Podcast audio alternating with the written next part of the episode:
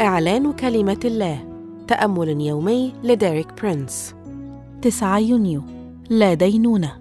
هذا الأسبوع يشرح لنا ديريك برينس أن الله غفر لنا خطايانا وصرنا أحرارا منها تماما. واليوم يوضح لنا حقيقة أنه لا شيء من الدينونة الآن على الذين هم في المسيح يسوع.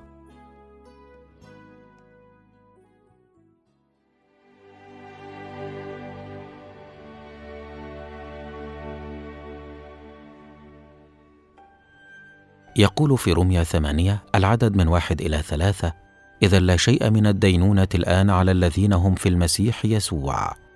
لأنه ما كان الناموس عاجزا عنه فيما كان ضعيفا بالجسد فالله إذ أرسل ابنه في شبه جسد الخطية ولأجل الخطية دان الخطية في الجسد. أريد أن أستخدم مثالا من الحياة العملية لتوضيح أهمية الدراسة المتسلسلة لرسالة روميا هناك نوعان من القهوة القهوة المصفاة والقهوة الفورية. القهوة المصفاة تأخذ وقتا أطول في الإعداد لأنها تمر بمراحل عديدة لتصفيتها. يمكن تشبيه رسالة روميا بمثل هذا النوع من القهوة. فلن يمكننا الحصول على إدراك صحيح للإصحاح الثامن إلا عندما ندرس الإصحاحات السبعة التي تسبقه حيث تعتبر هذه الإصحاحات هي مرحلة التصفية. وفي النهاية تكون النتيجة أكثر ثراء. فبعدما ندرس الإصحاحات السبعة الأولى من رسالة روميا نصل أخيرا إلى النتيجة. نصل إلى كلمة إذا في بداية الإصحاح الثامن. وهذه الإصحاحات تشرح الخطية الأصلية للجنس البشري وهي التمرد. وتشرح أيضا عجز الناموس عن إصلاح الإنسان العتيق. وللتوضيح يستخدم الرسول بولس في الإصحاح الرابع نماذج لشخصيات كتابية مثل إبراهيم وداوود وفي الإصحاح الخامس يعقد مقارنة بين آدم والمسيح. ثم يعلن الحل الذي قدمه الله للإنسان العتيق وهو الحكم بالإعدام. فالله لم يعدل الإنسان العتيق أو يصلحه أو يحسنه لكنه أعدمه.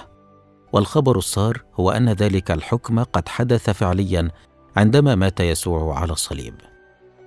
ويكمل الرسول بولس في الإصحاح السابع موضحا نهاية علاقتنا بالناموس.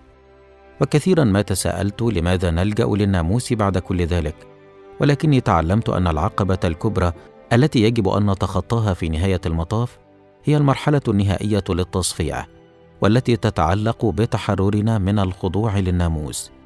فبدون هذه المصفاه لا يمكننا أن نحيا كلمات الإصحاح الثامن اذا لا شيء من الدينونة الآن على الذين هم في المسيح يسوع.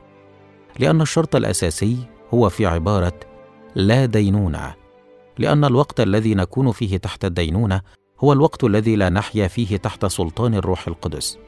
إن الهدف الرئيسي للشيطان هو أن يجعلنا دائما تحت ثقل الشعور بالذنب وبالدينونة.